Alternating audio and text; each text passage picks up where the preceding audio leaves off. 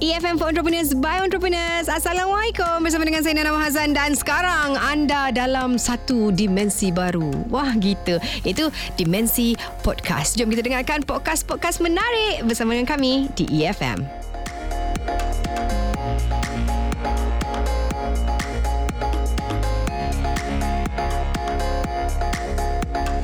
Okey, sejak uh, hari Selasa itu kan, uh, saya telah pun membual dua orang usahawan yang terlibat secara langsung dalam bisnes Dobi ni. Selasa, hari Selasa, uh, kita telah pun membual seorang usahawan Dobi layan diri di Air 8 Putrajaya iaitu Encik Mizan yang mengusahakan baru setahun lebih kurang lah eh, perniagaan Dobinya dan hasil temubual tersebut bolehlah dirumuskan yang Encik Mizan ni ingin bantuan dari segi pemasaran agar beliau tidak gagal untuk kali yang kedua dalam bisnes Dobinya yang first time dia buat dekat Muar. So mungkin dia kata masa tu uh, penerimaannya kurang sikit di kawasan luar bandar. Ha, terus dia buka dekat Putrajaya dan alhamdulillah uh, dan uh, semalam juga kita turut uh, menemu bual seorang uh, usahawan Encik Zamani Zakaria yang menawarkan franchise bisnes Dobi berjenama Adan Laundry dan sehingga kini beliau mempunyai 52 buah cawangan termasuk 3 buah Dobi perkhidmatan. Wow, Encik Zamani ni memang power eh. Dia menekankan ke setiap uh, usahawan Dobi seperti Encik Mizan agar sentiasa fokus dan melakukan pelbagai cara marketing terutamanya melalui media sosial dan turut juga uh, memberikan uh, servis tambahan kalau boleh katanya untuk menambah value lagi kepada perkhidmatan Dobi yang dilakukan. Okey dan sekejap lagi di segmen Jom Share BMO akan menemui seorang usahawan Dobi yang akan berkongsi tips dan juga pengalaman bisnes Dobinya. Jom Share. EFM for Entrepreneurs by Entrepreneurs Seperti yang dijanjikan Saya nak ucapkan selamat datang Kepada Encik Ahmad Hafizullah Muhammad Mokhtar Pengasas dan juga pemilik Gizmo Dobi Di Subang Bestari Dan juga Hatta di Perak Apa khabar? Baik, baik. baik. Alhamdulillah Perak tu di mana tu? Uh, kita beroperasi di Gerik Perak. Ah, Gerik salah Perak, satu uh, hmm. itu adalah cawangan kedua kita lah. Selain Mhm. daripada di Subang Bestari. Alright. Ya. Okey, mungkinlah Encik Ahmad. Saya panggil Ahmad ke Encik Ah, Hafiz? Hafiz lah. Encik Hafiz ya. Mungkin boleh ceritakan seberingkas uh, mengenai bisnes Dobi ni. Bagaimana bermula? Kenapa memilih nak buka Dobi? Kenapa tak buka kedai runcit ke? Ah itulah uh, kita kedai Dobi saya ni bermula daripada tahun uh, 2015 lagi. Mhm. So akhir bulan ni ataupun 1 Mac ni merupakan tahun uh, habisnya tahun keempat dan memulanya tahun kelima. wow. Uh, untuk uh, bisnes Dobi kami mm-hmm. di Subang Bestari. Right. Uh, ideanya datang daripada uh, pada asalnya daripada kami sendirilah mm-hmm. pengguna dan pengguna tegar uh, Gizmo Do- oh, faham. apa dia Dobi lah. Dobi layan diri ya Right. dan juga masa-masa tu partner saya juga merupakan adik saya eh. Mhm. Uh, kami berdua memang pengguna mm-hmm. uh, memandangkan kesibukan uh, isteri saya juga Mm, bekerja dan juga. bekerja Ah, semua ah. jadi kita memang Uh, selalu ke kedai Dobi ni kebetulan mm. partner kita tu duduk sekali uh, so uh, kita mencuba uh, Dobi layan diri mm-hmm. dan tercetusnya bila kita study kita study selama lebih kurang 6 ke 7 bulan juga Ui, lama. Uh, lama untuk mendapatkan apa sebenarnya mm-hmm. uh, apa kedai Dobi layan diri ni mm-hmm. macam mana dengan teknikal dia dengan mm-hmm. komersial dia semua mm-hmm. uh, dan kita mengkaji selama 6 ke 7 bulan mm-hmm. uh, jadi pada asasnya kita pengguna pengguna mm-hmm. tegar Jadi lebih kurang kita kalau kita letakkan diri kita sebagai pengguna kita dah tahu dah Ya. apa yang kita mahukan Ah, di kedai betul. Dobi tu dan sebagainya lah. Betul, Ah, ya. ah, bagus Jo- juga. Mm-mm. So daripada situ kita kita bermula lah mm-hmm. kita bermula kita purchase uh, mesin mm-hmm. uh, mana kita dah mengkaji beberapa jenis ataupun brand yang ada dalam market mm-hmm. jadi kita ambil keputusan ambil satu jenis yang kita telah uh, kita rasa sangat sesuai untuk mm-hmm. dijadikan uh, Dobi layan diri Okey. uh, itulah sebersedikit daripada asal lah Mm-hmm. Okey, menarik juga sebenarnya sebab bila orang nak buka uh, Dobi lain diri ni sekarang ni banyak kita tengok yang ambil franchise. Mungkin sebab mungkin dia punya SOP mesin kita tak fikir kita bagi dia duit dah siap. Betul. Ah, tapi macam apa yang Cik Hafiz lakukan kena start from scratch, kena Ya. source barang sendiri, Ya. cari tempat sendiri, renovation semua sendiri. Uh, betul. Yes. Kita bermula memang betul-betul uh, kita buat kajian sendiri. Mhm. Mm-hmm. Uh, yang pertamanya dengan kelebihan yang kita ada yang kita memang tengok satu persatu daripada teknikal dia dan Mhm. mengkaji mesin-mesin yang ada dalam market uh, kita ambil keputusan untuk menggunakan jenama Speed Queen eh, Mhm. uh, untuk dijadikan untuk jadikan bisnes kita yang pertama Mhm. kerana Speed Queen ni merupakan satu brand yang agak kami kami rasakan sangat baik Mhm. uh, dan juga ada beberapa kelebihan yang tersendiri Baik Dan sebagai seorang berpengalaman lah eh, Dan 4 Ya. tahun nak masuk tahun yang kelima ni Sebenarnya apa langkah awal uh, Yang perlu dilakukan oleh seseorang usahawan tu Sebelum uh, melakukan bisnes Dobi Like you said kita buat research, uh, kaji selidik dan sebagainya.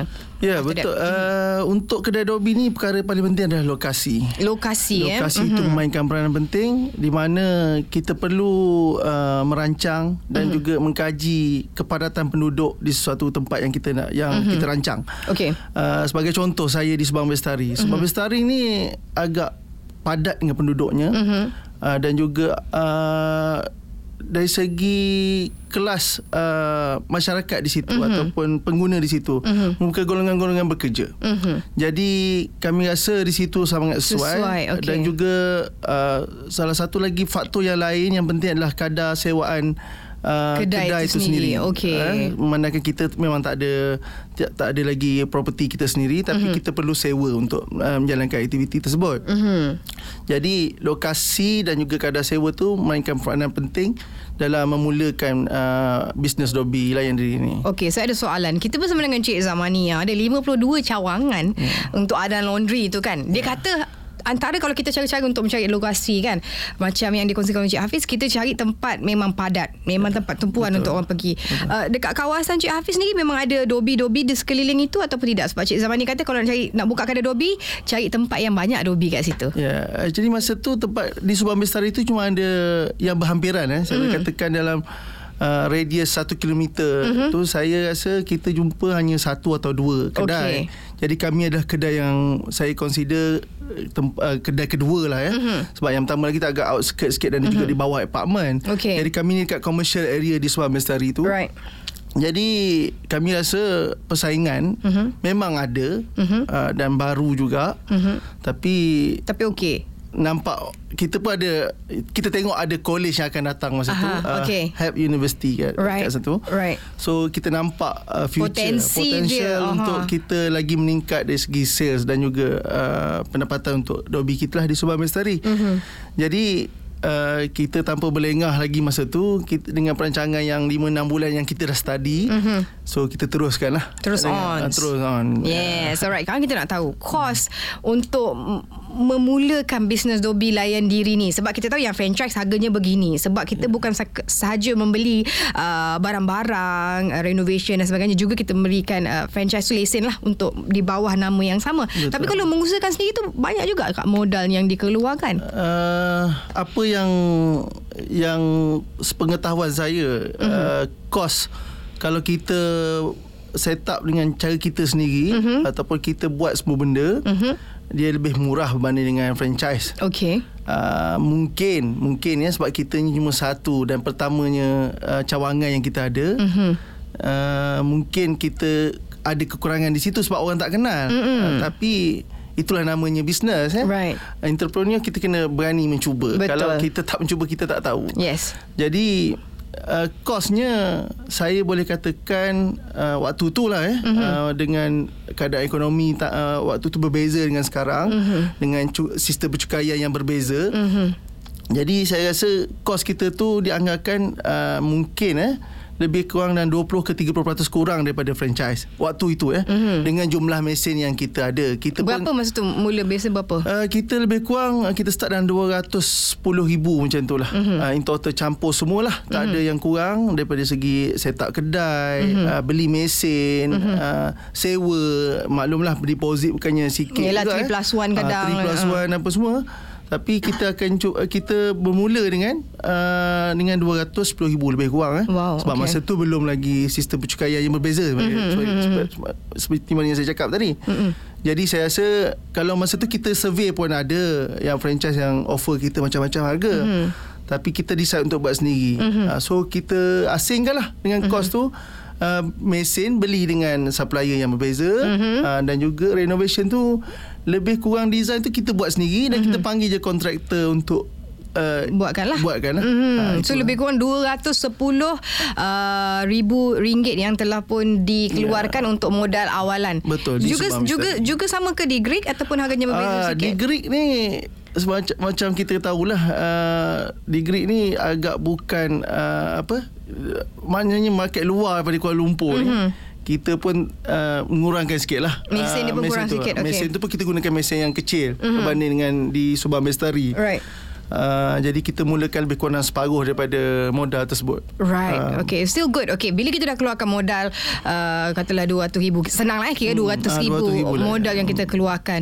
ROI. Masa you, you tengok kalau kita buat dengan franchise mungkin kita akan nampak okay gini uh, modal yang you keluar ROI lebih kurang dalam setahun, dua tahun. Macam you sendiri you you fikir bila agaknya boleh dapat balik return of investment masa tu? Uh, di Subang Bestari ni kita anggarkan lebih kurang uh, kurang daripada 2 tahun. Mm-hmm. Uh, uh, tapi saya rasa uh, mungkin kita uh, tak dapat dalam masa 2 tahun mungkin 2 tahun lebih sikit Lebih tapi tak sikit. lebih daripada Tiga dua setengah- tahun lah. eh, Ah. Dua setengah tahun even tak sampai dua setengah tahun kita Okey. dah balik dapat semula dah uh, ROI tu mm-hmm. untuk di kedai Subang Bestari. Alhamdulillah. Cepat juga kiranya Ya kan? betul. Ah. Tapi berbeza dengan Gerik sebenarnya sebab mm-hmm. kos tu agak uh, Rendah. rendah. Mm-hmm. Kita saya boleh katakan kurang daripada setahun kita dapat balik ROI tu. Wow. Ha. Ha. jadi mungkin kepada anda yang sedang mendengar kalau lah kata nak buka kedai Adobe, cari luar bandar. Sekarang. Ah, mungkin, ah, Ya, sekarang, sekarang. kan mungkin sekarang. mungkin uh, sebab sekarang permintaan di luar bandar tu pula lebih banyak. Betul. Ah, sebab Betul. orang luar bandar pun banyak yang dah bekerja juga. Betul. Alright. Ah. Okey, bila kita tahu uh, uh, ROI dapat bila tak kos operasi sebulan.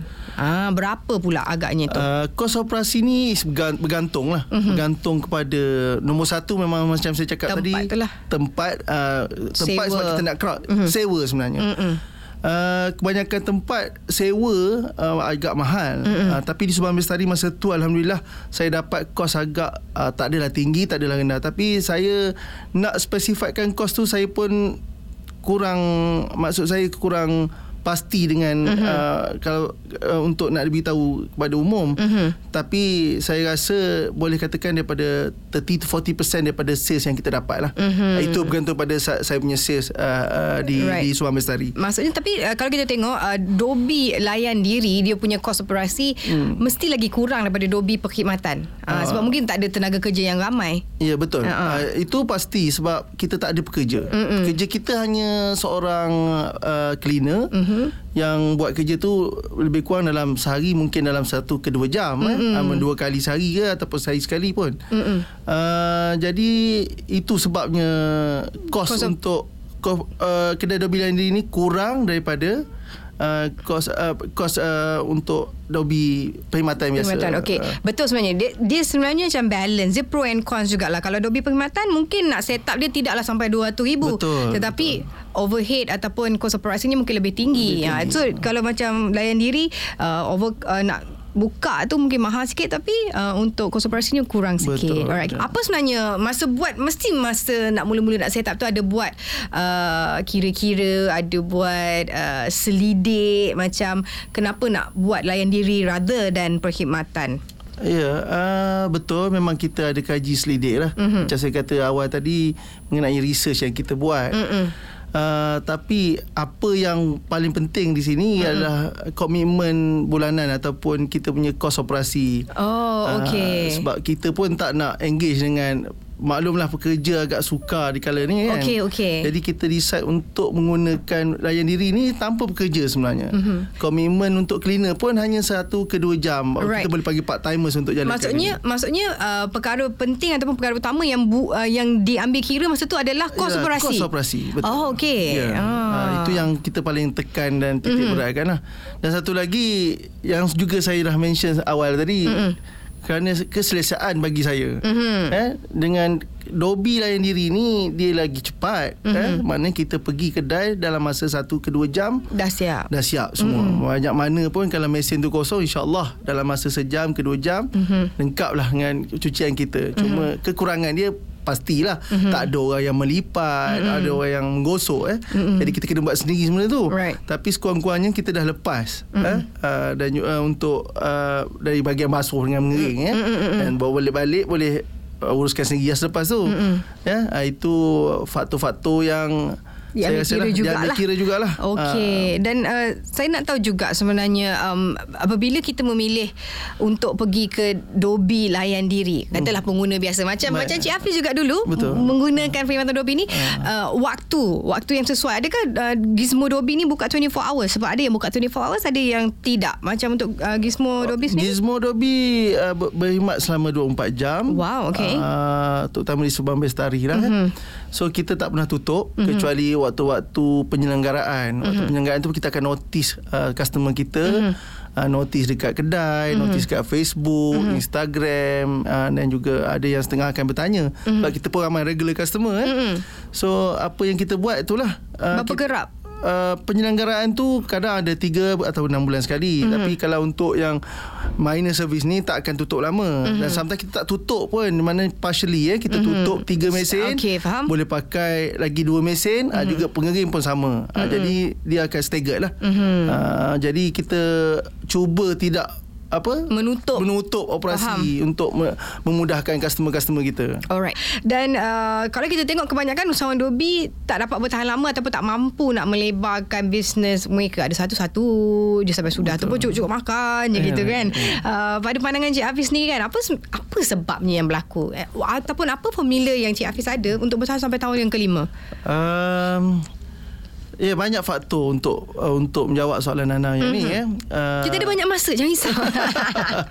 Okey, yang pertama bagi saya uh, penjagaan Dobi itu sendiri mm-hmm. walaupun kita ni tak ada pekerja, mm-hmm. uh, layan diri ni lebih konsep kita boleh uh, orang kata boleh monitor online whatever kan. Mm-hmm. Jadi kita kita pun di Gizmo Dobi pun actually kita memantau dobi mm-hmm. kita setiap hari ataupun setiap dua hari sekali kita akan buka belakang tengok maintenance mm-hmm. dan kita boleh boleh lihat sendirilah mm-hmm. apa yang berlaku dan apa yang ni dan juga duit for sure kita kontrol sendiri kita mm-hmm. tak mengharapkan orang lain Right. komitmen kita tu pada kedai Dobi tu kena ada ha, kebetulan pula kita ni berdua mm-hmm. ada partnership mm-hmm. so kita gile-gile lah Mhm. eh? Untuk jadi- memantau. untuk memantau Okey. satu lagi kelebihan di Gizmo Dobi eh, uh, untuk pengetahuan Nana lah kita Mhm. ni ada online system Okey. kita uh, kita boleh uh, on cam machine daripada telefon Ooh. uh, itu yang unik sikit Gizmo Dobi Okey. Uh, kita boleh monitor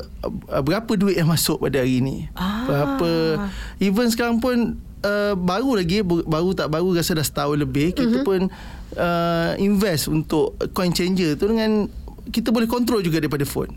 Oh wow. Ah, kita dia boleh masuk kontrol. duit dia keluar tu kita Dia- semua boleh tahu. Kita boleh tahu dan juga kalau kata katakanlah mm-hmm. terdapat sebarang masalah di kedai, mm-hmm. kita boleh menggunakan online. Ah. Tak ada masalah. Jadi Okey. apa kelebihan kita di Gizmo Dobi kita boleh memendekkan masa rectification. Right. Kan? So Ah. jadi kita boleh terus gunakan telefon uh, dengan syarat itu adalah setting dengan elektronik punya Faham. uh, ni lah. Bukan mekanikal-mekanikal kita kena pergi Kena tapi kat- walau okey. bagaimanapun di Gizmo Dobi uh, para apa kita punya jiran-jiran dan juga ada beberapa orang yang membantu kita untuk mempercepatkan keadaan. Mm-hmm. Uh, terbaru kita juga apa invest sikit untuk control online in, into of power juga eh. So kita boleh on and off machine daripada phone juga. Kita tengok tak ada orang off jimat Ah, elektrik. Ya, tu satu lagi Okey. lah. Satu lagi lampu pun gitu, kipas pun gitu kita buat sekarang. Wow. Ah, itu di di, di Subang Mestari lah kita dalam peringkat percubaan mm-hmm. tapi kita juga adalah buat uh, perancangan untuk uh, menambah baik di Gerik juga. Mm-hmm. Dia akan datang. Okay, benda-benda sebenarnya benda-benda macam ni small uh, tweak here and there Ah. boleh memastikan perjalanan tu mungkin dapat save cost here and there uh, memastikan perjalanan tu lebih lebih baik. Uh, sebab tu macam itulah macam mana kita uh, kita tak tiba-tiba duk biar aku pula gizmo tu ha.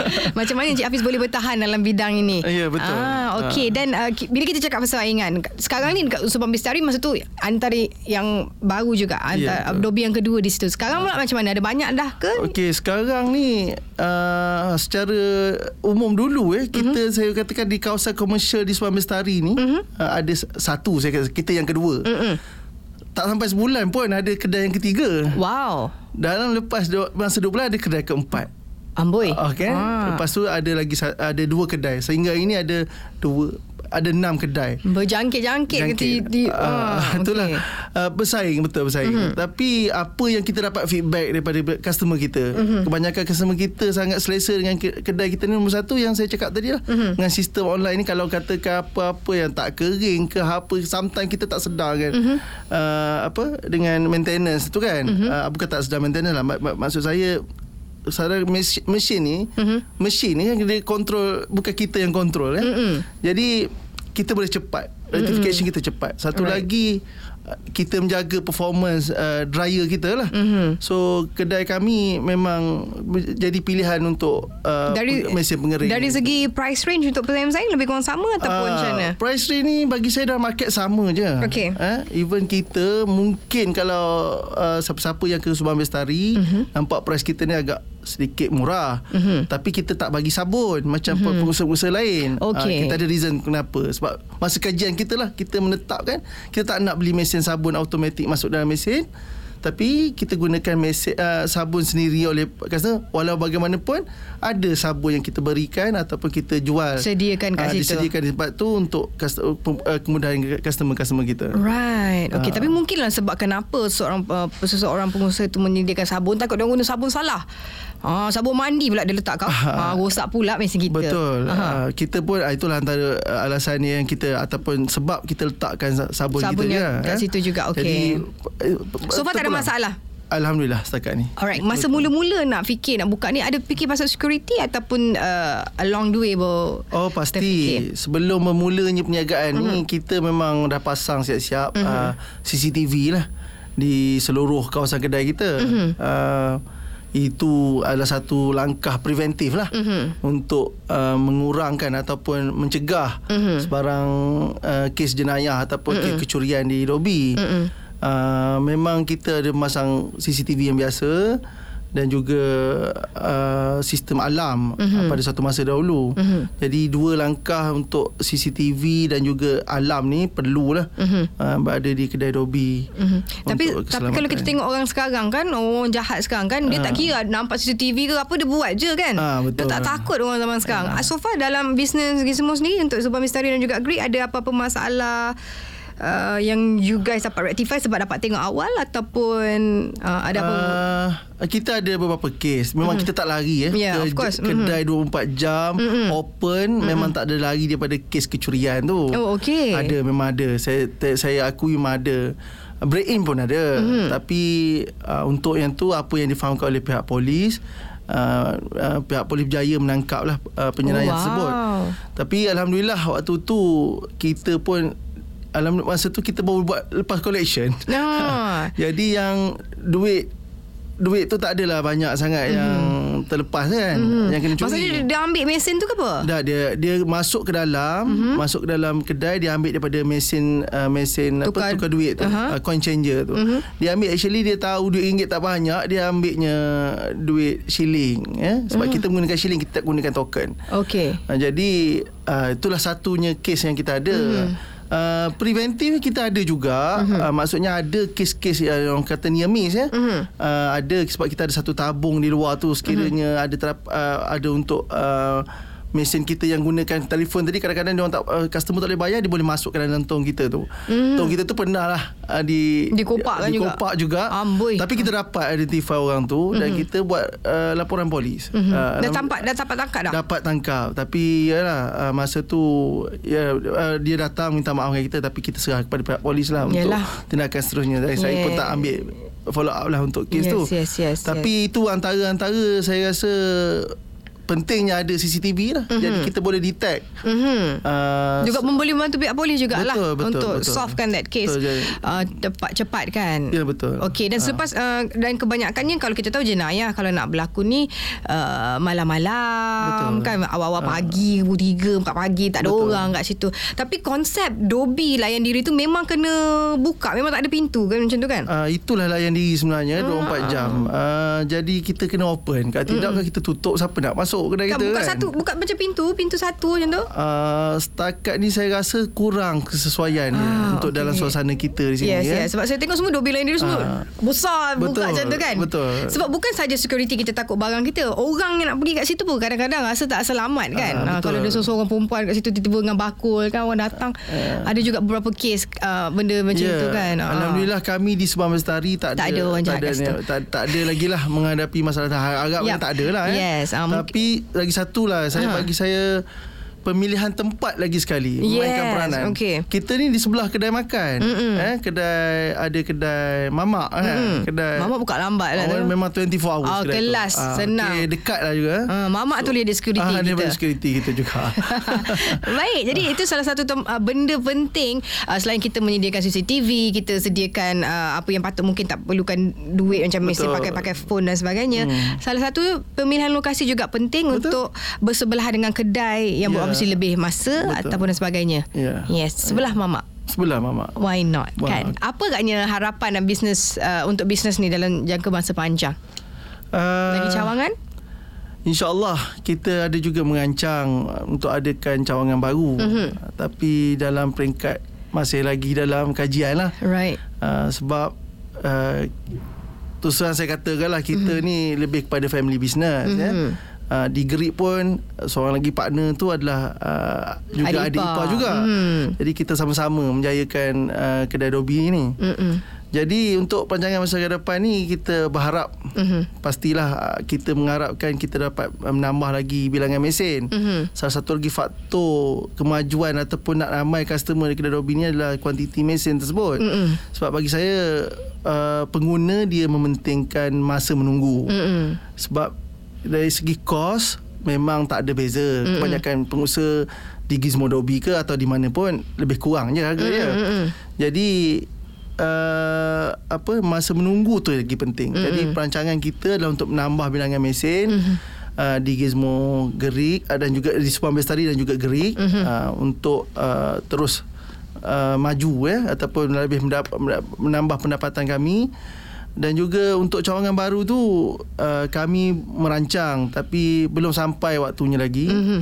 Uh, dan juga kita berazam untuk menambah baik sistem-sistem yang kita ada. Mhm. Kita nak memudahkan sekarang ni orang lebih kepada online, Mhm. cepat WhatsApp, message dan kita tu, ke arah tu sekarang ni. Kan Kalau baju tu boleh masuk kat telefon Kat telefon juga baju tu orang masuk Bawa cuci apa yang apa yang biasanya orang guna mesin Dobi uh-huh. ni lagi sekali Nana mungkin uh-huh. penerangan dia agak detail sikit uh-huh. lah kita nak kalau orang letak mesin dia keluar pergi minum ke whatever uh-huh. kita cuba sekarang kita dalam usaha nak bagi notify kepada pengguna tu yang Dah baju dia dah siap. siap Wow. jadi orang yang menunggu pun tak tak akan tunggu lama lah nak mengeluarkan baju kebanyakan orang pun tak suka kita keluarkan baju daripada mesin Mm-mm. jadi kita nak uh, kita tengah develop atau Mhm. kita kena kaji sistem yang sama ada email ataupun WhatsApp lah Mhm. yang paling paling senang, Senang, ya. okey. Uh, jadi kemudahan tu kita ada cuma kita dalam peringkat kajian maklumlah kita saya dan partner ni actually pun bekerja. Mm-mm. Kita uh, tengah mengkaji dalam sistem tu untuk Which is datang. To me It's very good ah, antara, Yeah. yeah. antara added value Ada orang buat Adobe dia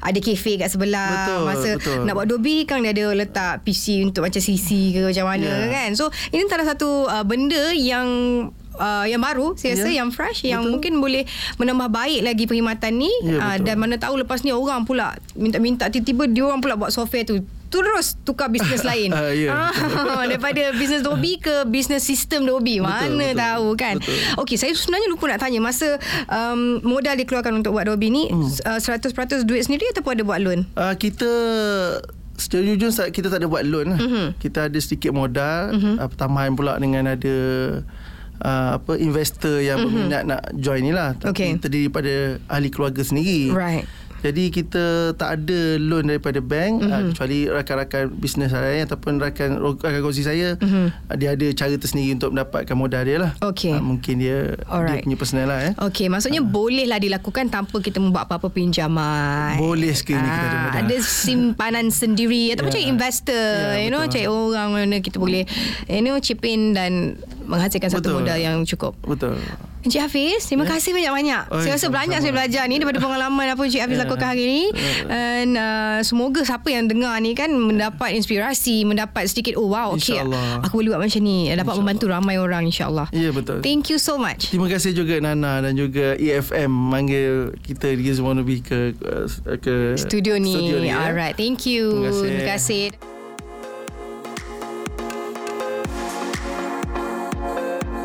Itu dia antara yang menarik yang dapat kami sajikan untuk podcast kali ini. Pastikan anda terus scroll untuk dengarkan podcast-podcast yang lain.